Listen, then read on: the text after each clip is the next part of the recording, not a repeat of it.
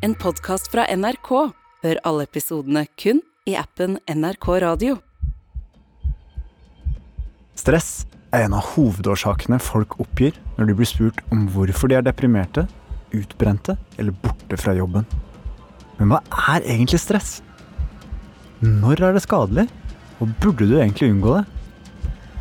Jeg heter Henrik Børsting Jacobsen. Jeg er psykologspesialist og stressforsker. Og jeg mener at stress, det burde vært pensum.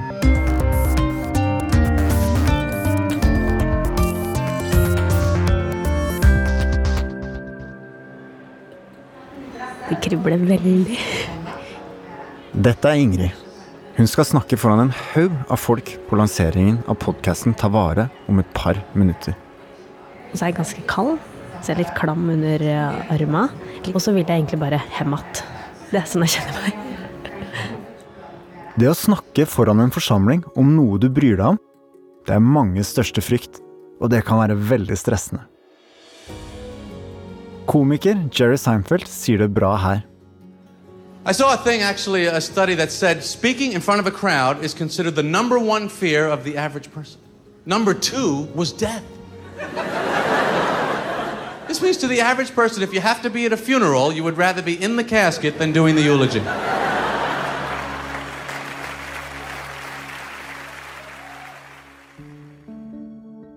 Seinfeld sier at i en begravelse vil folk heller ligge i kista enn å holde tale. Og det kan Ingrid kjenne seg igjen i. Jeg vet faktisk ikke helt nøyaktig hva jeg er redd for, men det er vel for at jeg liksom skal uh, si for lite, si for mye. At folk skal se på meg, at jeg skal si noe dumt, at folk skal le av feil ting. Følelsen Ingrid beskriver her, er det vi kaller stress. Den er ikke spesielt digg, og kanskje tenker du at den til og med kan være farlig. Og det er du ikke alene om. Stress er vår tids største bad guy. Men vi misforstår hva stress faktisk er. La meg forklare. Stress er en kroppslig endring som starter i hjernen, og som så sprer seg ut i kroppen. Vi bruker denne endringen til å håndtere utfordringer, enten det er en krangel med samboeren, en hund som knurrer, eller faktisk temperaturforandringer. Hvordan stress påvirker deg, det kan beskrives i fire stadier. I det første stadiet så blir hjernen din oppmerksom på noe som kan være farlig. Da sendes et signal inn til hjernen, til amygdala. Amygdala ringer til sentralbordet i hjernen, thalamus, som kobler videre til stadie nummer to, analysering. Nå blir faren vurdert. Om det du opplever er farlig eller ikke, kommer helt an på din erfaring.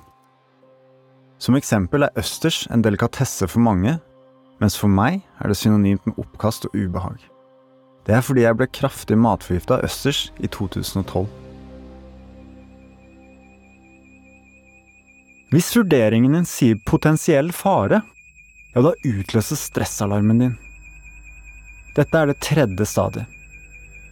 Signalstoffer fra hjernen driver masser av stresshormoner ut i kroppen. Disse hormonene trigger en grundigere etterforskning av hva som foregår både på innsida og utsida av huden din. Det fjerde stadiet, evalueringen, er en vurdering av alarmen du opplever. Utfallet av evalueringen er viktig. Hvis alarmen tolkes som negativ eller truende, så vil den erstattes av en lengre og kraftigere stressrespons. Så hva betyr det egentlig? For å forstå det, så må vi se enda litt nærmere på hvordan stressresponsen faktisk funker. Det er spesielt to hormoner som er viktige i stress, nemlig adrenalin og kortisol. Så la oss begynne med adrenalin og Ingrid. Ingrid gruer seg til å snakke foran en forsamling. Idet hun går på, så pumpes ekstra adrenalin ut i kroppen hennes. Prikker veldig i bena og i arma. Og det er som et sånt teppe som ligger rundt meg. Adrenalin er utrolig. I løpet av sekunder så øker hjertefrekvensen, blodtrykket og energiforsyningen din. Og det fremmer muskelstyrke og energi. Adrenalinet demper andre impulser, sånn som smerter i en tå, som er dumt å ta hensyn til når du skal holde en presentasjon. Men Boosten varer kort. Og idet adrenalinboosten forsvinner, så skjer det faktisk noe veldig fascinerende. Hvis hjernen din fortsatt ser fare, så gjør adrenalin noe viktig. Det roper på storebroren sin, stresshormonet kortisol. Vi har alltid kortisol i kroppen vår, og vi har forskjellige nivåer av det fra naturens side. Men når adrenalinet roper, så trigger det ekstra kortisol fra binyrene våre. Og dette bonuskortisolet er også fantastisk. Det endrer kroppen din fra en sliten Fiat til en glinsende rød Ferrari. Som Ingrid forteller, så var hun verken trøtt eller umotivert når hun sto på scenen. Jeg blir så svett eh, og nervøs, og så går Jeg vet ikke hva slags boble jeg går inn i. Ferrarien hennes brumma som bare kortisol kan få den til å gjøre. For kortisolet gir deg masse energi, sentrerer fokuset ditt, og du glemmer alt som heter trøtthet. Det demper smerter og betennelse i kroppen, prioriterer ned sult og andre mindre viktige behov som kroppen din har akkurat da. Kortisol er derfor et utrolig verktøy for kroppen vår. Det gjør oss kapable til å øke ytelsen vår maksimalt akkurat når vi trenger det. Og derfor så vil jeg si noe nå som jeg syns det er utrolig viktig at du husker. Stress er ikke noen sykdom. Det er en naturlig reaksjon som hjelper deg, sånn at kroppen din blir bedre til å håndtere og huske fare. Og nå tenker du kanskje, hvorfor snakker vi da alltid om stress som så farlig og så dårlig for deg? Jo, for det første så er stressresponsen ubehagelig når du evaluerer noe som truende. Men det ubehaget har en helt spesifikk hensikt. Det motiverer deg til handling. Og hvis du skal handle, så trenger du energi. Et problem er at hver gang du booster adrenalin eller kortisol for å få energi, så har det en bitte liten kostnad. Den kostnaden er enkel. Du må slå det av igjen. Og vi vet at over tid så kan kortisol da skifte aktiviteten i nettverkene i hjernen din, sånn at stress ikke lenger slås av, men isteden begynner å avle nytt stress. Men herlighet, dette vet jeg jo, tenker du kanskje nå. Så hvorfor kommer du da ut av balanse? Når jeg spør folk, så sier mange at det er av tankevirus. Virus som grubling og bekymring. Det å tenke masse på hva som har skjedd, eller bekymre seg for hva som kommer til å skje, det har helt konkrete effekter på kroppen vår og på stresset vårt. En gruppe forskere i Nederland har vist hvordan det å bekymre seg mye gjennom dagen gir deg høyere puls og blodtrykk mens du sover. Ikke overraskende så ga høyere puls også dårligere søvnkvalitet. Nettopp høyt blodtrykk er et velkjent tegn på at stress er i ferd med å bli skadelig for deg. Det som egentlig er en fantastisk egenskap du har, det at blodårene kan trekke seg sammen når du trenger varme, kan bli farlig over tid, for at det øker sjansen for sykdommer som slag og infarkt. Akkurat det skjedde i min familie. Jeg glemmer aldri dagen da faren min fikk hjerneslag. Vi visste at han var i risikosonen, i årene før så hadde han hatt skyhøyt blodtrykk og masse stress. Han var blitt advart gjennom tre drypp halvåret tidligere, men det var liksom ikke nok for han. Til slutt sa det stopp i blodsirkulasjonen til en del av hjernen hans, og utfallet kunne vært dødelig.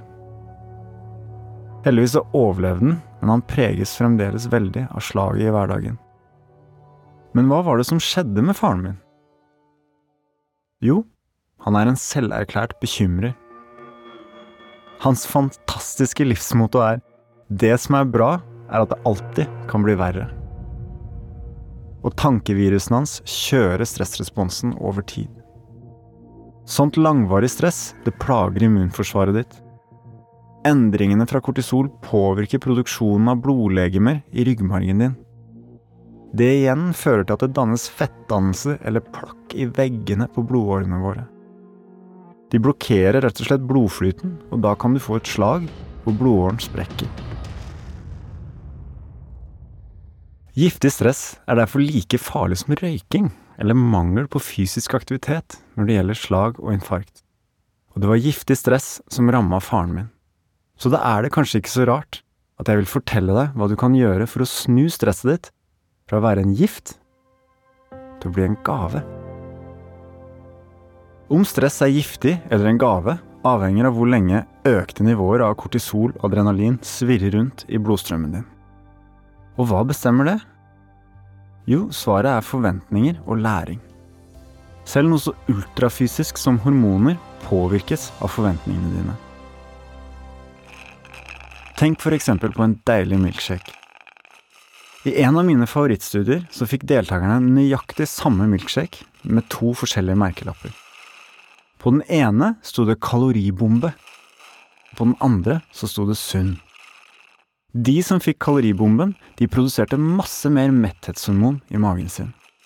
Selv om innholdet var nøyaktig det samme. Og hva forteller din forventning deg om stress? Jo, hvis det er som folk flest, så forteller den at stress er usunt, farlig og må unngås for enhver pris. Fellesnevneren for alle moderne lidelser i dag er lavgradig inflammasjon, lavgradig betennelse. Mangel på søvn, dårlig kosthold, for lite fysisk aktivitet, stress, stress, stress. Samfunnet vårt er eksperter i å fortelle at stress er dårlig for deg og ødelegger helsen din. Da er det heller ingen overraskelse at vi setter søkelys på å unngå stressfaktorer og å redusere stress. Problemet er at dette gir oss en grunnleggende feillæring. Det å skulle unngå stress for enhver pris gir deg jo en veldig negativ opplevelse av ditt eget stress. Bare tenk over det fastlegen sa til en av mine pasienter.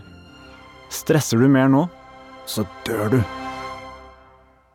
Så hva skal du gjøre, da? For å svare på det, så har jeg lyst til at du skal møte Leif, som opplevde å være for sein til flytoget. Jeg går av eh, T-banen, og jeg legger på sprang. Og da merker jeg at bare hjertet dunker og dunker og dunker fordi jeg springer. Og det er ikke bare kondisjonen hjertet banker pga., det er stress. For jeg merker jeg bare får litt panikk, rett og slett. Det er bare er som et rush som går gjennom kroppen idet jeg springer opp på den hovedterminalen på Oslo S, og jeg ser at det er fullt av folk, og der, der står det flytoget, og det må jeg rekke. Og her er Kari, som også løper. Jeg er veldig glad i å løpe, og da løper jeg gjerne i skogen. Og så kommer jeg opp i et sånt tempo at uh, Ikke at jeg hiver etter pusten, men jeg må puste med munnen åpen, og det er ganske anstrengende. Men samtidig så kjenner du at du uh, kan ligge i dette tempoet ganske lenge, da. Og bare eneste du tenker på, er uh, rytmen på beina. Teller. Kjenner pulsen og kjenner virkelig at hjertet hamrer i brystet. Og det er bare helt stille i hodet. Ikke noe um, ikke noen bekymringer, ingenting. Bare, bare fokus på, på, rytmen i beina. Kari og Leif gjør akkurat det samme i disse to situasjonene. De løper, puster og peser. Likevel så opplever situasjonene helt forskjellig. Hvorfor det? Jo, svaret på det finnes inni hodet ditt. Rett bak panna di, helt forrest i hodet, sitter frontallappen. Dette er den delen av hjernen hvor personligheten sitter.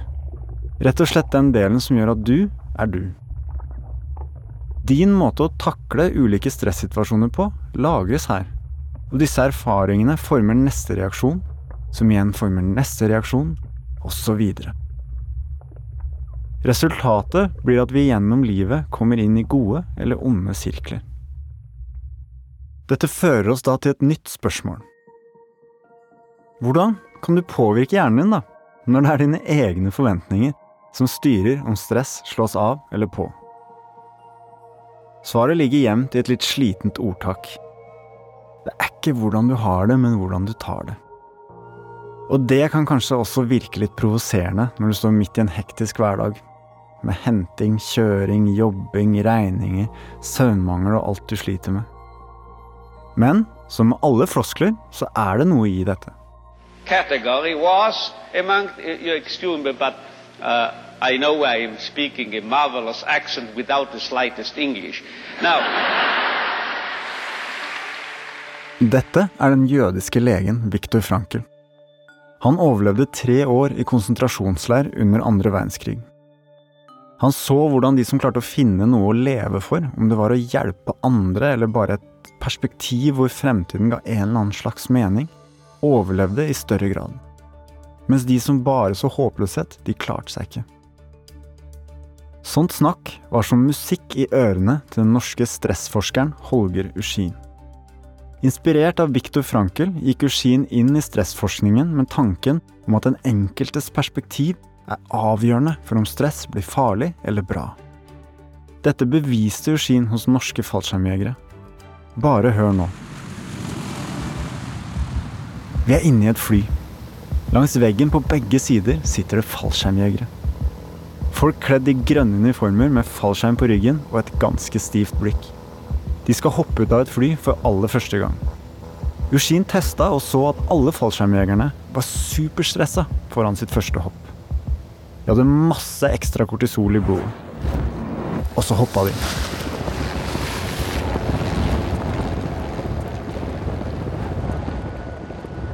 Etter at de har kommet trygt ned på bakken igjen, var de euforiske. Ifølge Eugene fortalte de at dette var lykken. De har funnet meningen med livet. Nå greide de alt. De fortalte han om en enorm mestringsfølelse. Da Eugene testa de i de neste hoppene, så hadde de ikke lenger masse ekstra kortisol. Men han fant noe annet. De hadde forhøyede nivåer av testosteron i stedet. En hormonell aktivering som er knytta til en følelse av mestring. Husker du Ingrid? Hun som skulle opp på scenen i starten av episoden? Nå har ikke hun hoppa i fallskjerm, men hun har gjort noe som mange syns er minst like skummelt. Nemlig å snakke foran en forsamling. Nå er hun nettopp ferdig. Føler hun på mestring? Føler meg veldig letta nå. Som om eh, Det er jo noe som slapp taket. Så det er jo liksom som du får ilinger i kroppen, men på en god måte. Så det som i stad var på en måte veldig sånn nummenhet og prikking, er nå mer sånn ganske sånn koselig eufori. Og nå er det sånn Ja, for det som skjer, er at jeg skal egentlig ikke ut i et møte nå, men det har jeg glemt. Fordi jeg blir sånn Hoho, jeg har lyst til å gå ut og drikke øl eller gjøre noe morsomt. Men jeg skal tilbake på jobb. eller nedtur.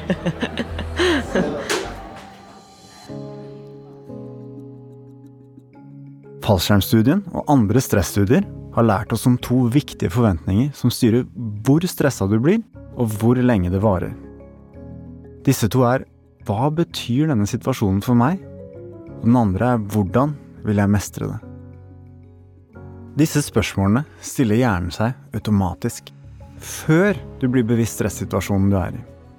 Kanskje høres det rart ut, men grunnen til automatiseringen er hurtighet. Hvis du må slåss, så må du forberedes på det lynhurtig. Enten det er med en bjørn eller med en presentasjon. Hvis vi har masse dårlig erfaring med bjørner eller med scener, ja, da fører hjernen spørsmål til at du får en stor økning i kortisol som varer. Helt uten din bevisste innblanding. Hvis du derimot koser deg i spotlighten og har erfaring med at bjørner, ja, det er jeg god på, så er det kobla til en økning av testosteron og en kort kortisolaktivering. Kortisol og testosteron er nemlig motsatser, både i livet og i kroppen. Noe å tenke over i ethvert samliv også, i og med at testosteron påvirker sexlyst og sexdrift. Et vanlig symptom på langvarig stress er nettopp manglende sexlyst. Men enten du skal ligge, slåss eller presentere, så er konklusjonen entydig. Mestring er medisin og magi. Når du har troen med deg fra tidligere erfaring, så endrer det radikalt hvordan kroppen vår skiller ut stresshormoner. Så hvordan i svarte skal du oppleve mestring? Jeg hører ofte Altså, det som stresser meg, er jo bare Det bare er sånn. Og det, det må bare være sånn. Men kan du allikevel dyrke din egen mestring? Ja, det kan du. Og hvordan du skal gjøre det, det skal jeg fortelle deg nå. Her kommer fire punkter som snur stresset ditt fra å være en gift til å bli en gave. Det første punktet er forståelse. Se på små, kortvarige stressaktiveringer som bra for deg. Det er som trening. Det å løpe seg en liten tur, det er sunt for både hjertet ditt og lungene dine. På samme måte så er det å ha en kortvarig stressaktivering bra for deg. For eksempel så er det helsebringende å dusje 30 sekunder i iskaldt vann hver morgen. Men husk bare kroppen og ikke hodet. Start med venstre side av kroppen i 15 sekunder, og så bytt til høyre side av kroppen. Dette er sunt nettopp fordi det gir deg en kort og kontrollert stressaktivering som så roer seg umiddelbart. Du trigger da en liten adrenalinboost uten at hodet ditt blir stressa, og det er bra for immunforsvaret ditt. Plutselig har stress igjen blitt en superkraft. Nummer to er åpenhet. Og med det så mener jeg å tåle negative følelser. Tåle ubehag. Og innse at du ønsker å fjerne mange av årsakene til stresset du opplever, men at du ikke får det til. Det er verken vondt i viljen eller latskap. Hvis du er syk og ikke kan jobbe, så vil du kanskje måtte leve med dårlig råd. Har du en jobb du ikke trives i, så er det ikke alltid mulig for deg å leve ut drømmen, tenke positivt, eller smile hver dag når du går på jobben. Dessuten strever vi alle med problemer som hvorfor ble det slutt mellom meg og eksen? Eller hva er meningen med livet mitt? Eller når skal partneren min endelig se meg? Dette er eksempler på eksistensielle problemer som ligger bak oss eller fram i tid, og som kanskje ikke har noen løsning. Kjenner du deg igjen? Kanskje er du en av de som ligger våken på natta med akkurat disse spørsmålene. Det som driver stress da, det er kjempingen. Kampen for en løsning. Vi må bare gruble litt til. Da lurer jeg på Er det ofte nattgrublingen din gjør underverker for selvbildet ditt? Så i stedet for å gå dypt inn i negative historier om oss sjøl, så kan vi øve oss på å ha disse ubehagelige følelsene, tankene og historiene. Uten å skulle løse, fikse eller endre dem. Det er helt vanlig å føle seg ensom, fortapt eller misforstått. Jeg vrir ofte på et vanlig uttrykk jeg liker godt, når jeg skal forklare det vi i psykologi kaller aksept eller åpenhet. Ikke bare gjør noe. Stå der. Så neste gang du grubler deg ned i en grøft, prøv å stoppe. Se for deg et rødt stoppskilt, og si til deg sjøl Denne tankerekka trenger jeg ikke å ta nå. Jeg kan godt utsette den her til i morgen tidlig. Det tredje punktet mitt, det er økt tilstedeværelse. Hvis du skal motstå fristelsen til selvhat og grubling når du opplever en periode med giftig stress, ja, da bør du ha trent på å kontrollere hjernen din. For den settes jo i høygir når det skjer. Stress er jo en alarm. Men Hvis du klarer å skape litt aksept og vennlighet rundt det at du, som alle andre, har disse tankene og følelsene, så vil du kunne begynne å øve deg på å stå der. Ikke bare kjempe og slåss. Og vet du hva? Det å la negative tanker, følelser og kroppslige sensasjoner bare være der, uten å skulle kontrollere dem, det har vist seg å være en motgift for giftig stress. For å få til åpenhet og tilstedeværelse så anbefales ofte meditasjon. Men hva er det? Og hvordan i alle dager skal du få tid til det også i en fullstappa hverdag? For det første så trenger du ikke mer enn ti minutter. For det andre så er det ikke så komplisert. Hør på det her.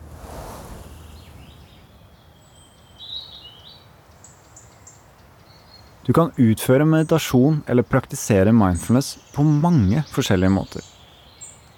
Du kan gå en tur i skogen, lukte på et godt glass vin, eller bare lese en avis. Poenget er at hvis du ber hjernen være til stede i det du driver med, er du mindful.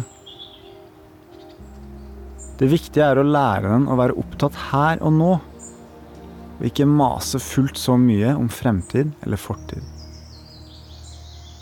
Dette bringer meg til det fjerde punktet mitt. En aktiv, verdibasert tankegang. Mesteparten av de valgene vi gjør i øyeblikket, det styres av lærte konsekvenser, som forventninger om stress, smerter eller velbehag. Men hvis du har valget mellom å kle på deg yttertøyet, gå ut i regnet og gå på trening, eller å se den siste episoden av Game of Thrones og spise Grandis til middag, ja, da kreves det faktisk en ekstra innsats å reise seg fra sofaen. I denne lille innsatsen så ligger det en mulighet til å få positivt stress. Hvis du gjør ting du vet er bra for deg, på tross av at du kanskje har mer lyst til å chille, ja, så fremmer det mestringsfølelse. Det du ønsker å øve opp, det er mentale regler som du kan bruke til å overstyre de negative forventningene som du kjenner til. For å gjøre det, så bør du velge en regel som er positiv for deg i det lange løp, selv om den kanskje krever mer av deg i øyeblikket. Det andre du bør gjøre, er å aktivt minne deg sjøl på denne regelen når du opplever ubehag og skuffelser. Gjør du det, så vil du også fremme mestring hos deg sjøl. Du vet at det gjør vondt å trene ryggen, eller å løpe opp en bratt bakke.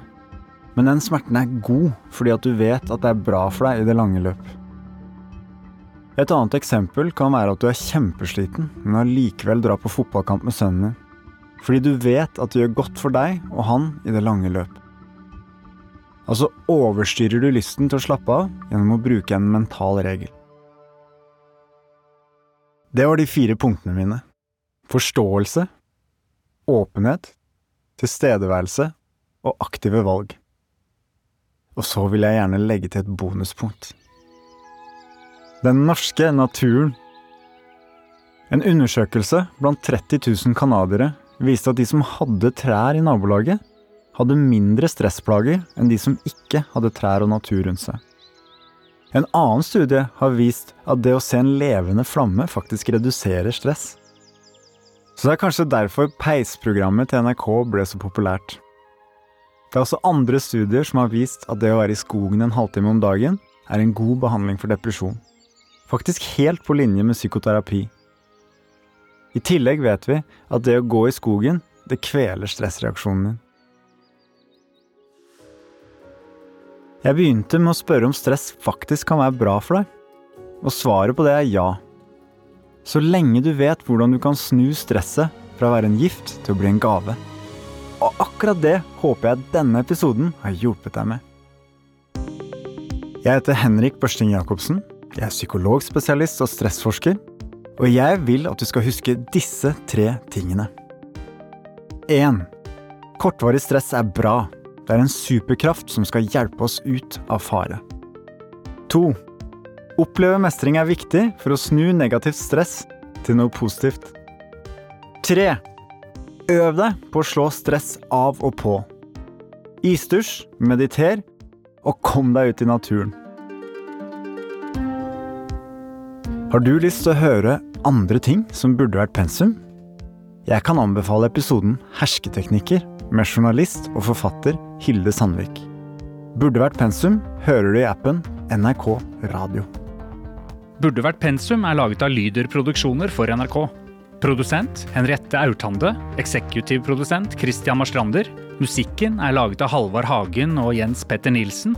Lyddesign ved Sondre Myrhol. Og ansvarlig redaktør fra NRK, Ole Jan Larsen.